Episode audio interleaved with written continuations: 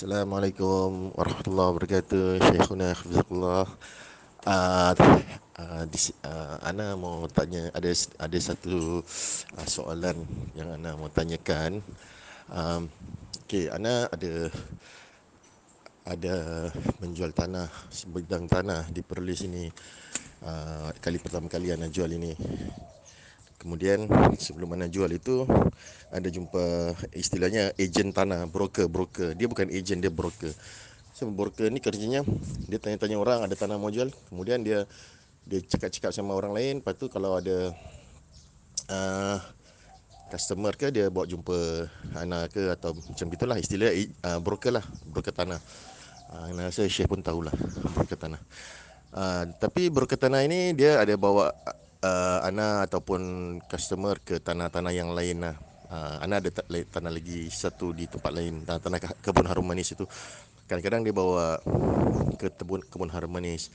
Tetapi uh, tanah yang Ana jual ini uh, dah, sebenarnya dia tidak dia tidak membantulah. Dia membantunya dia dia Ana jual tanah ini pada customer ni, customer ni ceritanya customer ni jumpa broker ini, kemudian dia mau lihat tanah yang lain.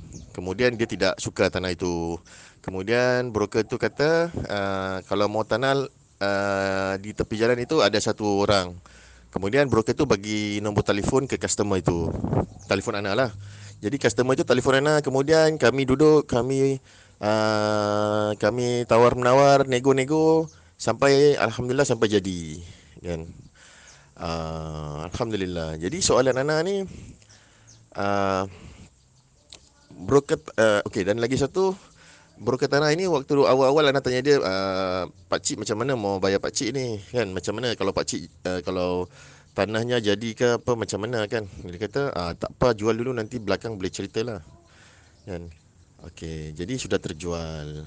Uh, jadi soalannya ini uh, adakah Ana harus uh, uh, sudah setelah jual dia jumpa Ana dia cakap uh, dia mau 6000. Ana cakap 6000. 6000 hanya sekadar uh, bagi nombor telefon ke satu orang itu mau 6000. Ana kata tak boleh lah 6000 kan. Uh, jadi persoalan Ana itu uh, pertama dia adakah broker ini layak diberi bayaran kerana kerjanya hanya uh, kerjanya kerjanya hanya diberi nombor telefon kepada customer itu itu saja. Uh, sedangkan yang ejen-ejen yang ana bekerja sekarang sekarang ni dengan tanah harum manis ni mereka kerja bersungguh-sungguh uh, iklankan di Facebook uh, iklankan di mana-mana jumpa lawyer kemudian bawa customer ke sana ke sini pergi tengok tanah ana itu. Kemudian banyak kerja yang mereka buatkan. Uh, pergi ke valuation pergi ke bank uh, macam-macam mereka lakukan. Dan bila mereka bila ana sudah kalau mereka berjaya jual tanah itu baru ana bagi mereka 3%. Ha, tapi pak cik ni uh, broker ini kerjanya hanya sekadar bagi ana nombor telefon ana ke customer tu itu saja. Soalan menolong saja gitu kan. Dan bila ditanya berapa mau bayar dia pun cakap waktu tu dia cakap ah, jual dulu. Nanti belakang boleh cerita. Tapi sekarang ni dia telefon anak hari-hari mendesak anak suruh bayar. Jadi anak anak mau tanya apa uh, apa hukumnya Syekh? Uh, uh, wajibkah anak membayar kepada uh, broker ini ataupun tidak? Kerana pada pandangan anak ini satu macam istilahnya macam macam zalim juga ya. Uh, kerana dia enggak buat kerja apa pun dia bagi nombor telefon aja itu aja cari lawyer uh, buat uh, buat pinjaman bank itu semua ya, customer yang buat. Cari lawyer anak yang cari. Lepas tu uh, iklan pun ada iklan pun bukan ada iklan pun bukan bawa customer tu pergi ke tanah jalan-jalan ke tak ada. Jadi sekadar memberi nombor telefon saja itu saja. Uh, jadi uh, dalam masalah ini harus wajibkah anda bayar uh, duit yang diminta tu. Uh, bagaimana Syekh? Uh, harap dapat nasihatkan anda supaya anda dapat membuat perkara yang betul insyaAllah. Jazakumullah khairan. Barakallahu fiqh. Assalamualaikum. Bismillahirrahmanirrahim. Waalaikumsalam warahmatullahi wabarakatuh. Broker dalam istilah Islam simsar dan simsar itu hukum asalnya boleh kalau secara umumnya adalah boleh dan dia membantu istilahnya. Cuma ada simsar yang rajin layak mendapatkan upah yang sesuai dengan kerajinan dia. Ada simsar yang pemalas. Alhamdulillah. Maka simsar yang pemalas, broker yang pemalas tidak layak diberi upah seperti broker yang rajin. Tak layak sama sekali seperti itu. Bagaimana dia sekedar ngasih nomor telepon yang mana orang awam dan orang yang tidak ada urusan pun sekedar tetangga pun boleh senang aja untuk kasih nomor telepon.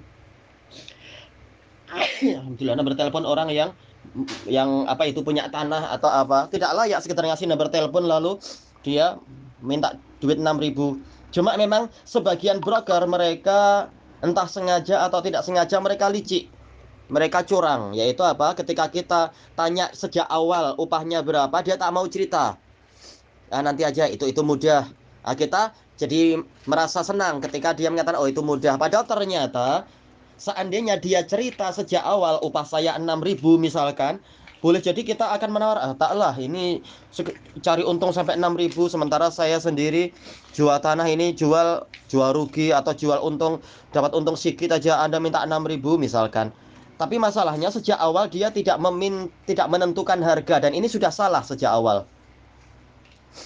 Sejak awal sudah salah karena nilai upahnya belum ditentukan. Ini sudah salah dan dengan itu nanti akan timbul berbagai macam perselisihan. Kenapa?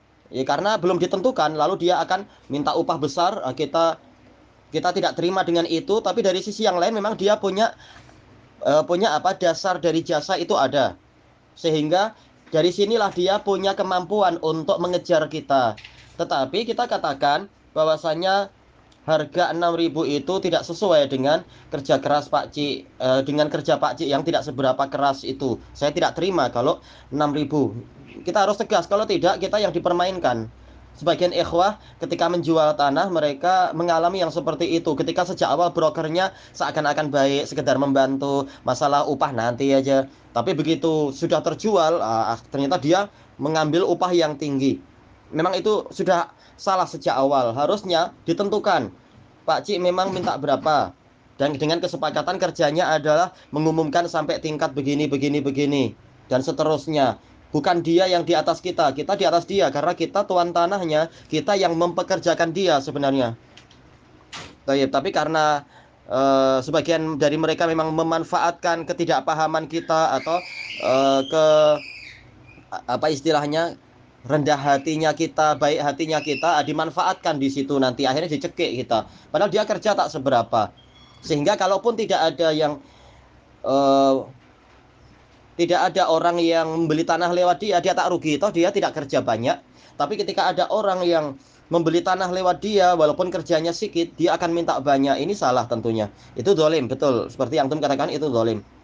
Baik, maka apabila sejak awal upah tidak ditentukan, dan itu memang salah, tapi sudah terlanjur sejak awal tidak ditentukan, maka kembalinya kepada upah uh, upah uruf, urfi yaitu tradisi di situ berapa di daerah sana atau di negeri itu berapa upahnya. Kalau tadi antum katakan 600 berarti ketika upah itu tidak ditentukan, upahnya memang 600 tapi untuk kerja yang urfi juga.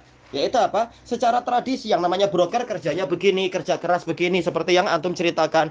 Nah, ketika dia bekerjanya tidak seperti itu, tidak sesuai dengan standar kerja, maka tentunya dia tidak layak mendapat upah urfi, upah tradisi, upah yang sesuai karena kerja dia tidak sesuai. Kaidahnya mengatakan al-ghunmu bil hurm, keuntungan sesuai dengan kerugian, sesuai dengan kerja keras. Sementara dia tidak kerja keras, maka antum harus tegas.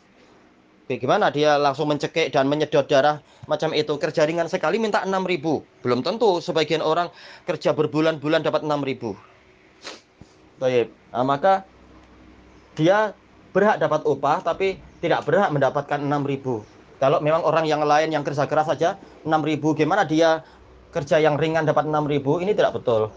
Wallahu alam. Allah yu'inukum. Walhamdulillahirabbil alamin